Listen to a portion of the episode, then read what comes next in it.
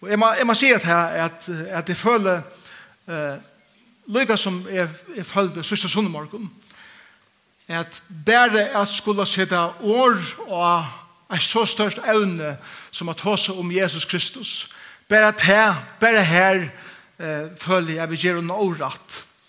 Til år kunne ikke lyse uh, vekerleikene av Jesus og storleikene av hans personer, og er av tog versjonen som han gjør det for åkne Golgata, og eisne gleden ui at steppa fylgjøs vi honom, og langselen at sykja fram til at han ein dag fer a koma atter, og tan dagen ta vit skulle sykja han anlit til anlit, eia til eia, hendan som vi fylgjøs vi, hendan som vi tog ikkje sykja, hendan som vi tåse om, som vi tog ikkje hava møtt i personet, enn.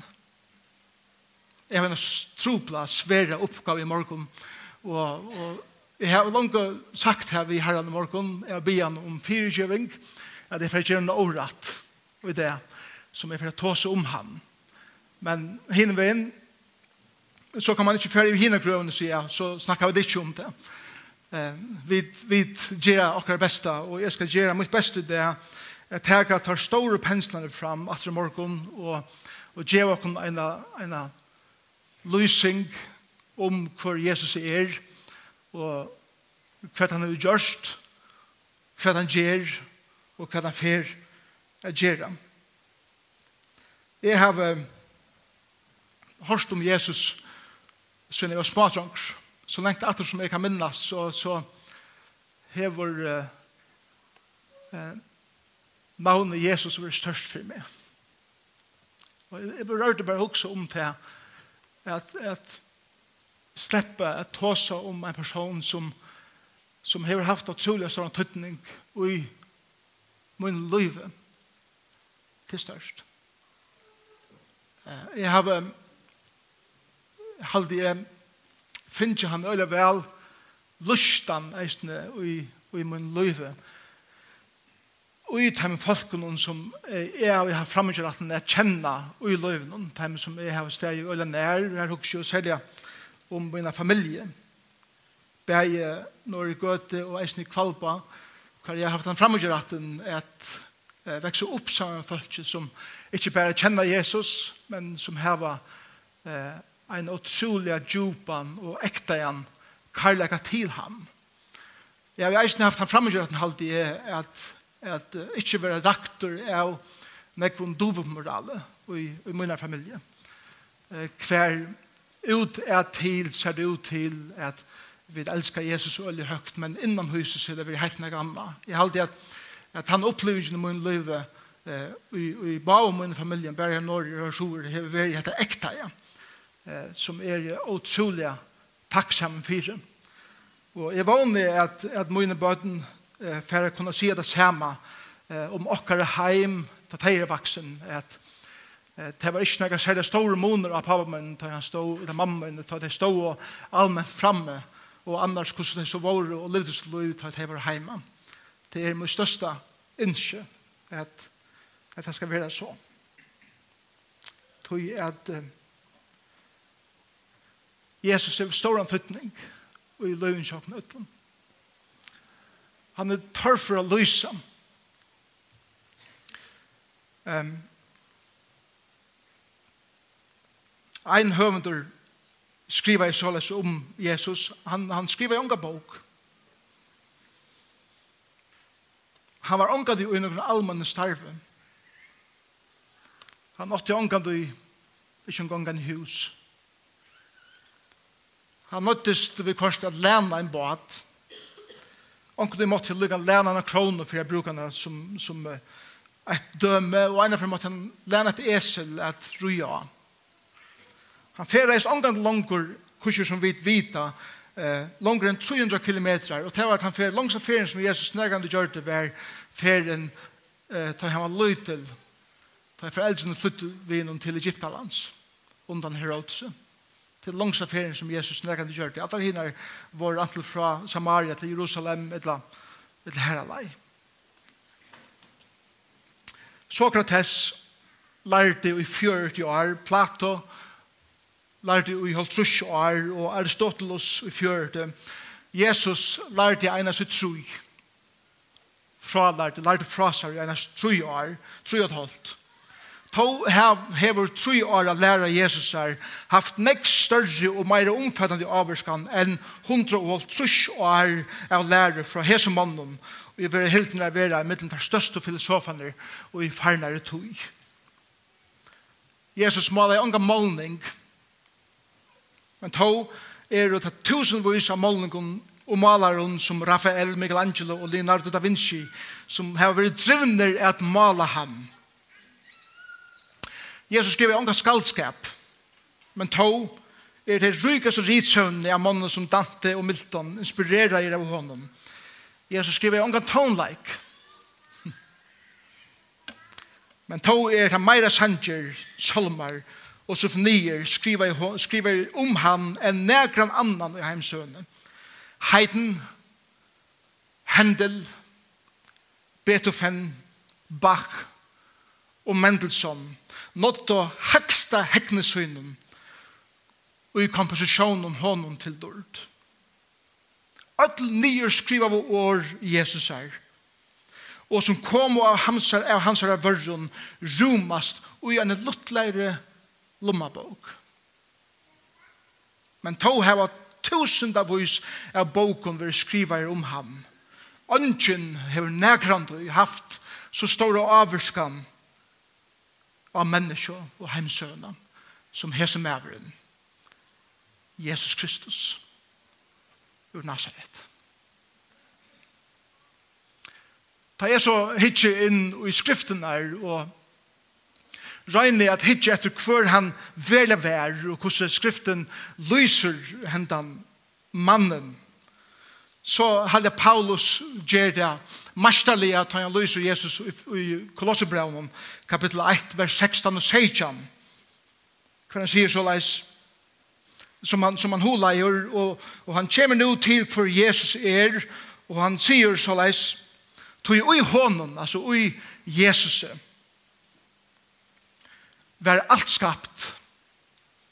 Det som i himmelen er og det som er hjørne er hitt skjønnelige og hitt åskjønnelige, sier Paulus. Vi er til nå hasade, herredømme, tikkner etla vald, elskjater. Hoks det kom universet, hvordan største er, universet og i perspektiven fra himmelen er bare en liten bølter, og her hoks jeg om alt universet som det er, fra en himmelsk perspektiv er en lille bølter som jeg tykker god hever akkurat sett her og inni til bølten har han sett planetene og galaksene og supergalaksene akkurat her som han er ho at sette der proportionelt til for jeg er. Og han gjør det på en måte som, som ikke kravde nærke av, han, av hånden enn bare sier det. Og det er vær. Og det kan mye hva for uh, hugsan du hever om hvordan alt er våre til og så videre, så, så er jeg samfunns om at alt det her teorien der må og korsene bodja seg under hessen stora at det er en som hever tala inn i hettar og han har skapt det. Bæg det som er skjønnligt, men eisen det som er for okkara egen og skjønnligt. Det som okkara sanser, fem sanser, er ikke før fyrir at først at suttja, men heldur ikke at på en måte er kommunikera vi etter sansa. Hever han fotla myndelaike i vår og fotla kommunikasjon eller samskifte vi og i sin løyve som god himmelsens skapar himmens og gjerrar og alt det her i middelen hever han en daglig kommunikasjon vi han vet akkurat hva han gjør og forresten halda det så at han ikke hever tikkum i hoa eisne og okkara byrar og okkara glede og okkara ting som vi drar av og ut. Han, han hever alt, alt i sin hånd, så her han eisen til og med i sin hånd. Det som Paulus vil sier vi er her, men, men Paulus sier mer. han sier, alt er skapt vi hånden, altså te kommer fra hånden, og så sier Paulus, men forresten til hans herre. Ofta har vi hoa sett okken sjolv i sentri av ötlun som god i høyre til, som om at vi er i sentrum, og han bare gonger om okken og tamer okken og røyner at, jeg gjer okken nøgt Vi, vi må få en helt æra paradigma. Vi må ha et paradigma skifte i okkar forhold til god. Han er i sentrum. Han er midebelen. Det er skapt til hans herre til skapt til hansare at njóta og at liva ui og at beveka sig ui. Vi er en pastor av hansare skapande verset. Forresten, vi er kronan av hansare skapande verset. Men vi er ikke midtebelen. Han er midtebelen. Han er det. Til han er det skapt. Og Paulus sier, han som er framman undan ötlund til tvær tøtningar i hesten her versen her. Det betyr til at han vær og har en alt anna vær rent kronologisk seg tøyer seg, men det betyr eisen til at det kommer til eh, til vald og tekner at han er fremstor, han er fyrstor, han er hakstor, han er hakste myndelegi av ödlun som skapte er, bei i heimtheim som kallar seg for tekner og vald og myndelegi og vi er, er han hin hakste og fremste. Og Paulus sier så vi er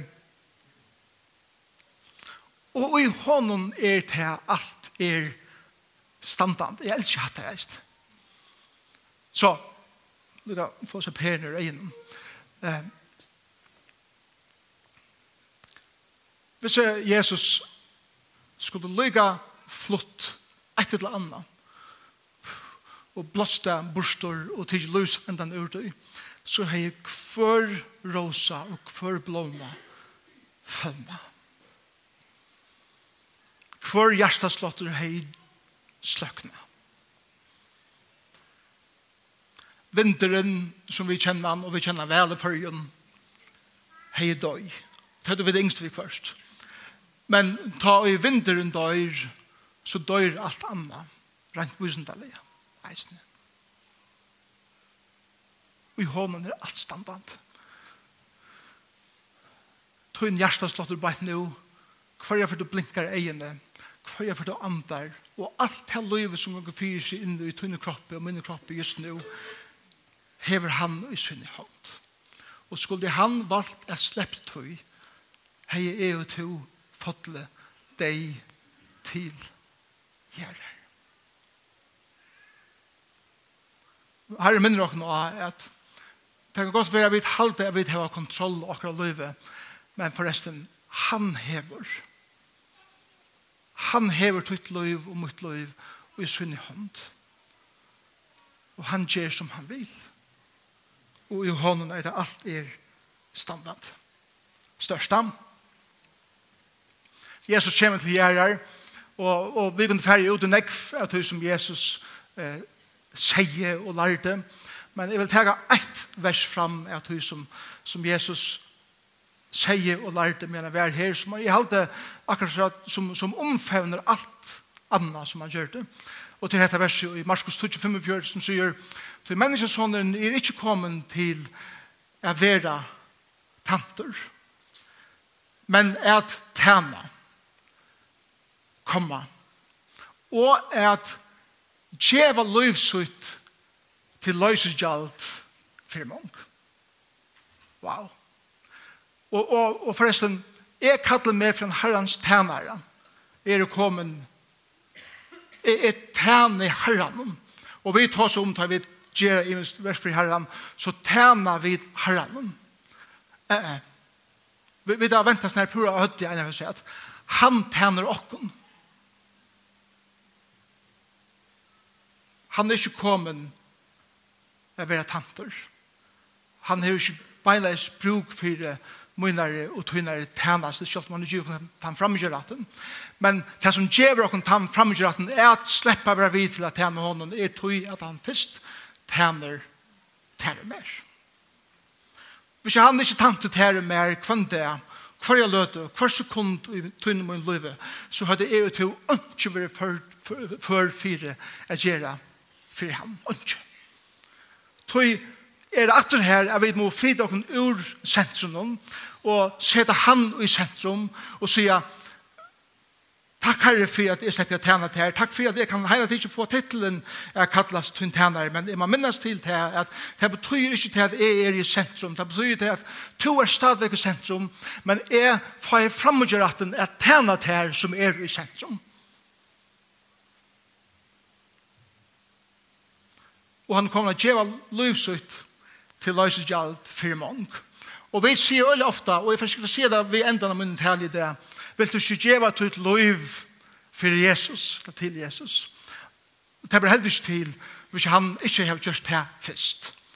Han har givet sitt liv for det. Og Åren to kan skjeva sitt liv til han. Det som jeg vil og vågne jeg får frem med det er til at at her paradigmaskiftet som vi har bruk for å få er at vi må lære oss å seta og flyte oss ur meddelen og av til stenen som bærer han eier.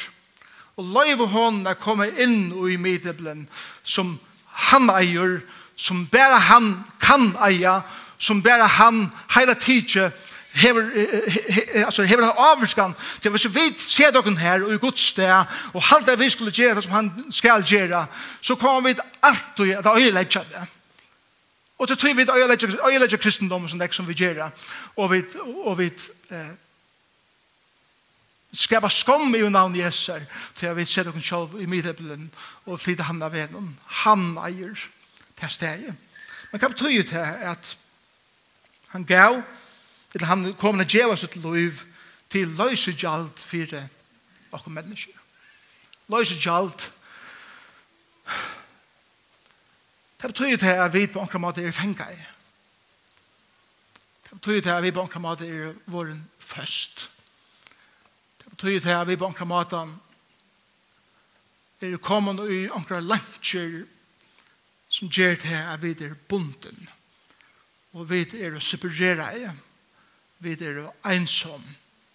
Forresten, Bibelen kallar hatt fyrir synd. Det er et år som ofte ikke blir brukt. Det som ikke så ofte blir brukt langer. Vi brukar et mulig andre år for synd, kompleks, trobeleikar og så videre. Men Bibelen er veldig grei og gjør sånn her. Jeg vet, det er ødel her. Og så har jeg bare hoa for å si hva, hva er min liste i mån til hin listan kjønn nøren. Men per definisjon er vi syndarar som gjør til at vi er bunden, som gjør til at vi er atskilt fra en gode som er heilar og god.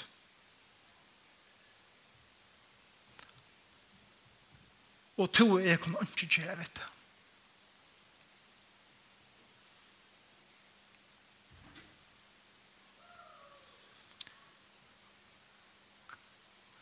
Kanskje har vi drømt at vi er så god som vi kunne og gjøre alt akkurat liv.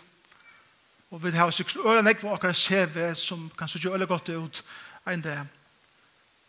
Men god er bare interessert av i egnom. Og til det her kanskje er sånne vi gjort. Jeg må til å lese for dere om Anna Korintbrev. 5.21. Anna Korintbrev 5.21.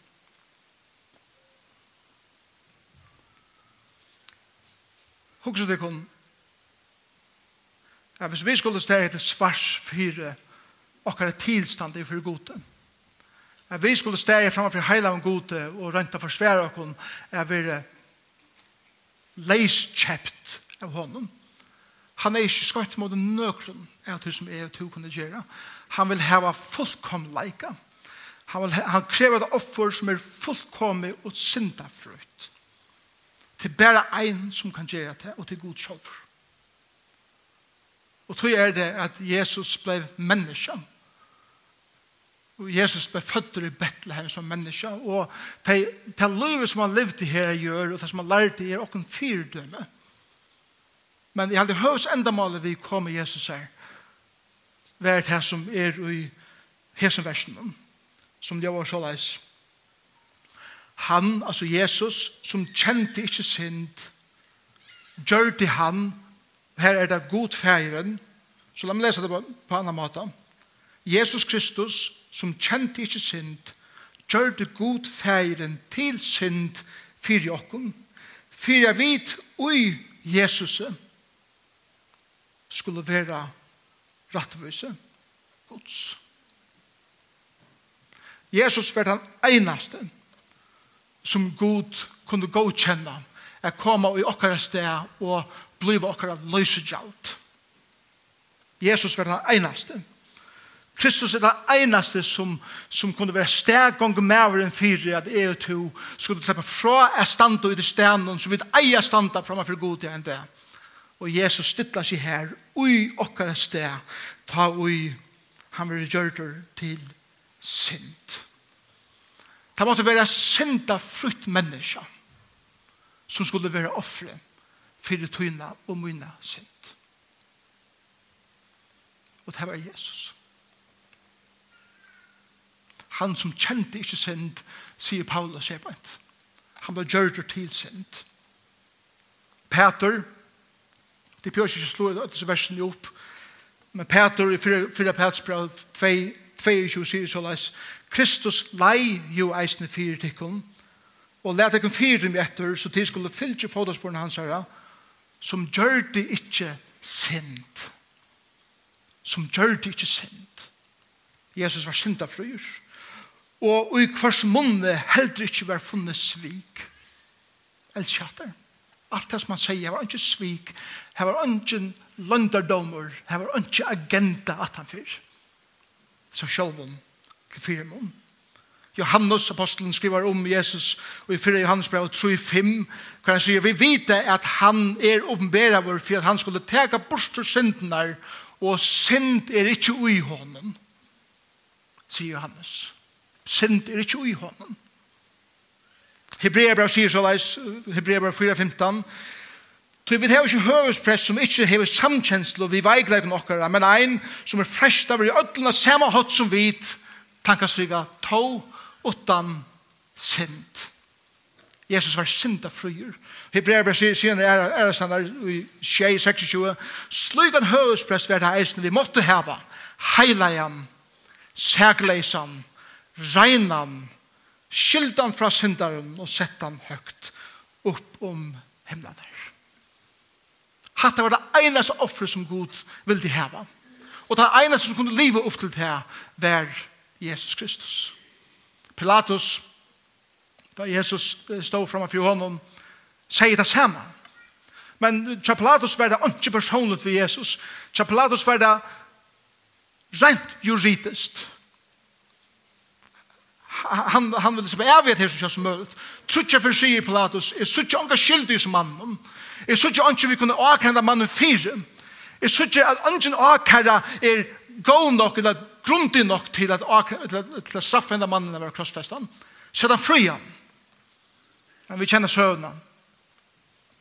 Vi leser også denne om Pilatus, at Pilatus, da han var livet som landshøvden i Israel, så var han sendt til Rom, og og Pilatus enda i en sinnesjukkerhus i Schweiz. Og vi vet at etter tradisjon sier at det sørste som vi vet om at Pilatus gjør det og Arjen han får inn i en sinneslig tilstand hver han var fullkomlig sveker ved at han vik og denne vik og stå og vaska som hendene. Og det var det jo det som han gjør det da han hei dømt Jesus. Han vaskar som hendene og den skilte som har følt om han av seg, gjør det mannen sinnesjukan, og hun leiser inn av kjøt, stender han og røyner, og vasker sine hender, for jeg gjør så regnen, og han vet ikke gong av tøy, eller han er ikke enn funnet av tøy, at det er ikke hendene som er skittene, men til hjertet. Og han som han dømte hinn dagen, og Jerusalem, er han samme som er opprisen, som du giver hånden et liv, og fyrtjøring. Og samme som døye for te og som døye for meg. Og Jesus, Paulus sier det her beint, han som kjente i synd, gjør det god til synd for jokken. Det betyr ikke at Jesus ble en syndare, men det betyr ikke at ødels heimsens synd, tøyn og min synd, All synd som er gjørt i heimen fra de første personer vær skaptur til kvann person som lever i det, og all synd som fer vera gjørt, tegur god, og kvalver han og tiver Jesus Kristus. Her teger han visser opp av Golgata kross og ver neldt jokken hender og føtter og tan fysiska pynan var rævlig men det er ikke det som var det rævligste det rævligste var ta og igjen opp det er at det kostar mer ta han råpar god munn god munn kvist to færren fra mer. Så tøyn og min synd kosta jeg et inngrep inn i tru endene. Hver god måtte vente seg fra sin egen sønne og lete han bære alle heimsens synd og på Golgata kross. For jeg to og jeg kunne få liv. Ikke tog at to og jeg er så god, men til at han som stender i sentrum av ætlen sier, Jeg vil tjeva mitt liv for i hæse. Og det er to som eisen er her i morgen. Jesus opplevde rævlige vreie gods av krossen som to er her oppe bare. Og hva er det slidde? Nøkker fra vers 8 i 2. Korinthia 5, vers 16, Her lever det så leis. Om tog ein er og i Kristus. Alt kjattar. Om tog ein er og i Kristus. Så er han nødt til å skapne en kurs. I gamla er færre. Og alt er vært nødt. Hva betyr det? Hva betyr det rettar? Nå sitter jeg en høvund. Hva Og i Kristusen var min synd flott fra mer iver av han. Og hans er rettvise fra honom iver til min. God tog det som stod av min rokning og sette det av Kristus her rokning. Vreien som God heier håp opp for at det er ølder. Hæsen massen av ønskaper som er i heimen vær tidsen av mynare konto og løgt og rygg Jesus er.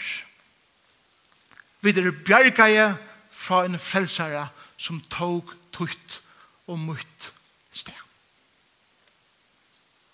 Han tog tutt sted og mutt sted og bær alle de reiene som er og to her oppe vår. Og gav okkon syna rattvise og syna regnleika og sier gjør seg vel. For du teker motorist nir og eier det.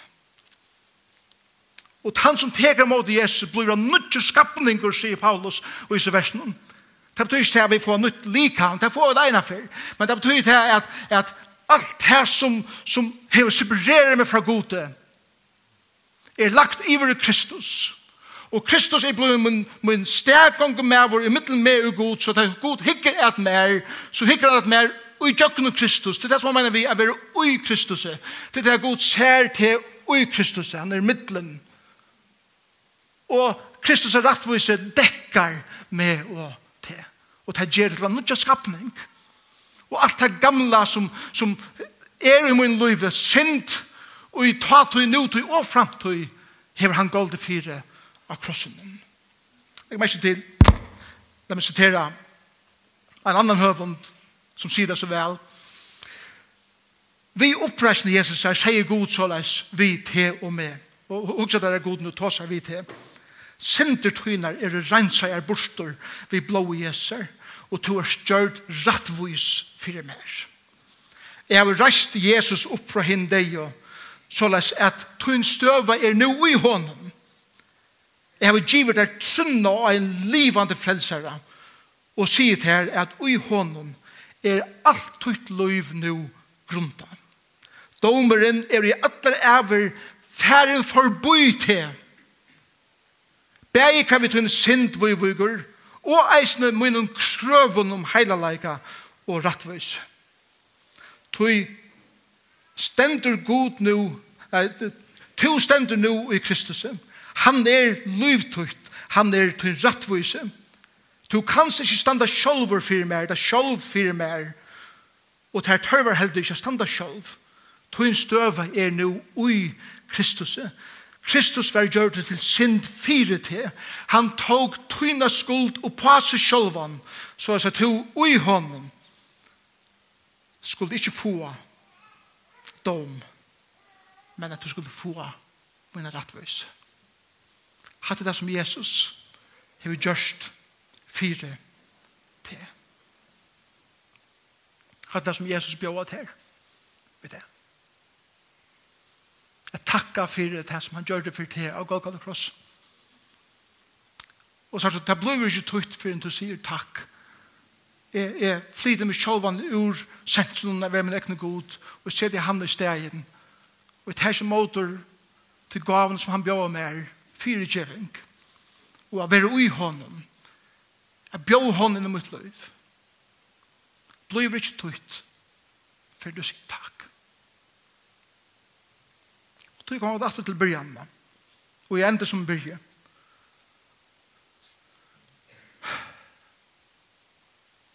han som var reis opp fra henne deg, kan sige, og er den eneste som er rettene å sige, til i hånden var alt skapt, til i himmelen og til i hjørnet, hitt kjønnelige og hitt okjønnelige, ved henne og herre, herredømme, hasade, tiknet av alt. Alt er skapt vi hånden, og til hans herre. Han er framan undan utlån, og i ånden er det alt er standard. Og tror jeg var det Jesus kunne sige, Tan der igjen ta og i lærersvannene kom og, og hitte Jesus at han var oppreistur og han trakka i fram til, til øyne avverst grekst, grekst, uh, uh, grekst hodtak det sender at han trakka i fram. Han tog et skritt fram men ut i skritten fram viser han at det som nu kommer jeg sia hever alt at tøya for tikkun at høyra og han sier mer er givet alt vald av himmelen og av jord. Først hever han alt valgt. Så sier han det fra seg til han kommer ned til åkken et tema. Og god reiser han opp og sier, kjør seg vel, eller fortsett. Jeg har vi alt valgt, og mer er giv i alt valgt, dobbelt valgt. Og himmelen og av jord. Styrer ødel universen om grunda av te, grunda av hvor han er og hva han har vunnet i ideen og oppreisene, sier han, fær til ut. Og gjør jeg at folk har som lærersvenner. Og da er det en fær sin sånn og en så hellig andans. Og lærer det halda alt og jeg og i til og jeg skal være vidt til henne lukket til enda til jeg ender. Så det er ta og han sier færre tog ut, er grunda av ein myndeleika som er sentraler ut i stedet som han ber han eier, og som er høgste myndeleika av himmel og av gjør. Og to og er, er bensjen er færre ut. Kvui? vi kjenner ikke noe vel Jesus. Jeg hadde ikke noe annars vær. Vi kjenner ikke han noe vel. Og vi vet ikke hva at det er ui. Vi færre ut. Vi og vi tår ikke å godtake at myndleikene som er til å ha finnes som godsbøten er færre ut. Og at livet nær som Jesus gjør dere en utrolig myndleika inn i dere liv. Som han øyser inn og ut her med. Og så sier han, og lærer halde alt du er og bøye. Ikke teoretiske lærer, men praktiske lærer. At lære at livet til livet som god hever atle okkon. Sutja dit. Bøyla tasar om at Jesus er himmelig i det og gjør okkon sted til reier og en annen tæna som han gjør til det han byr fyrt her og mer. Ferdig ut, mer gjør alt valgt det himmelige jeg gjør og forresten jeg byr fyrt her men det først ut. Come on. Hva mer? Hva mer har vi bruk for det? Hvor skulle vi genga vi høttene nyrre og ikke tåra til ikke opp og tåre at nevne navn Jesus er, tar vi vite hver hende er som vet. Her finnes myndeleggen fra. Og hver det er som byer for meg, hver det, og hver jeg lød, og ter.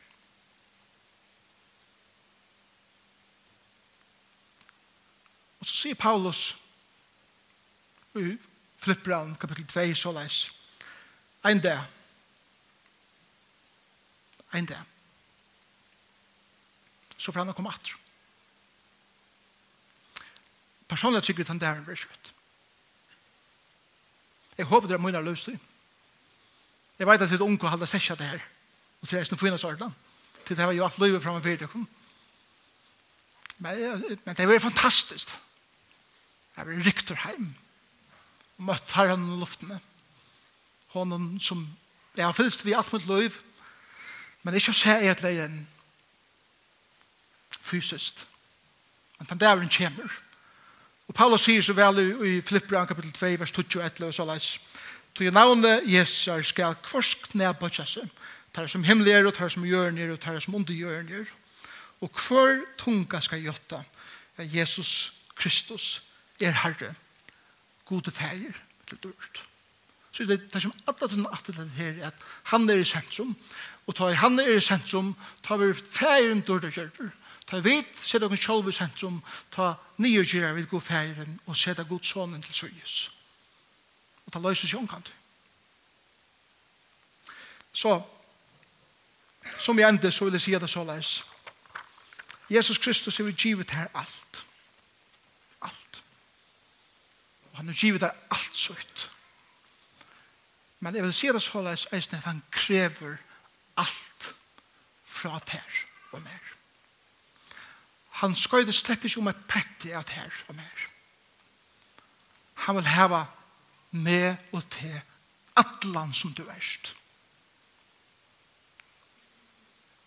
Jeg tega opp sin kross daglig og fyllt netter på tøyer til at Jesus sier du skal velja å smakka med hvis du er villig og villigur jeg sier alt fra til om jeg skulle bli etter det.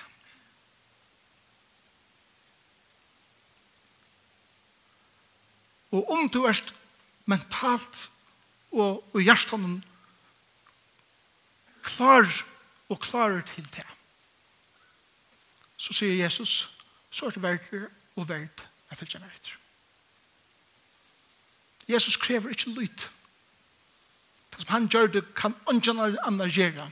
Og det som han krever kan ungen annar gjøre heller enn han. Og Og tog er det at tess meira vi fylgjast vi Jesus i okra løyve, tess meir er vi klar til å gjeva honom alt. Og tog vi syndjas hangen, jeg vil gjeva alt. Det er nok så farlig sanger syndja. Det meina det velja. Men jeg trykker at du kan komme her til, og jeg kan komme her til. Hva er det jeg sier, hva skal jeg ta gjøre skal?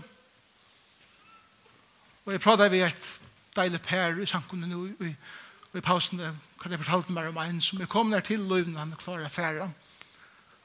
Og det er sånn mer som er en sier at ikke av det gjør skal neka sida langer.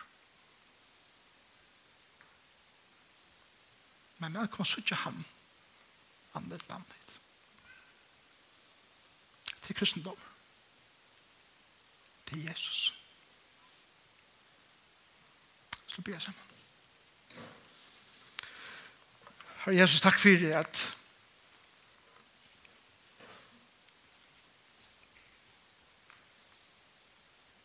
at vi kunne få oss av løtene at ta seg om til og hva du erst, hva du er gjørst.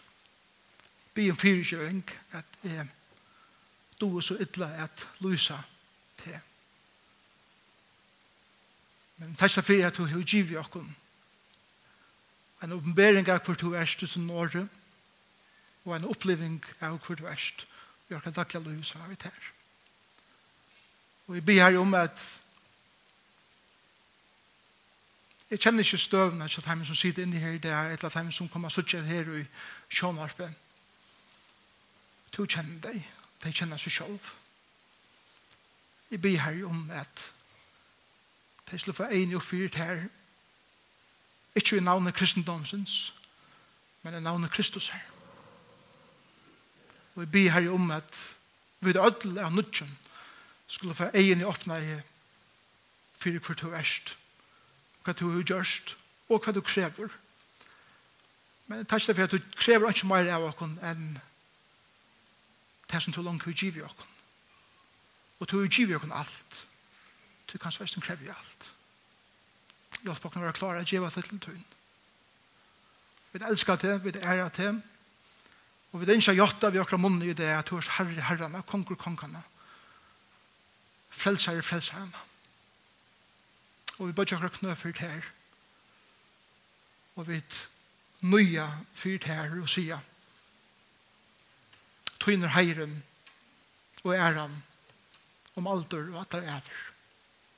Amen.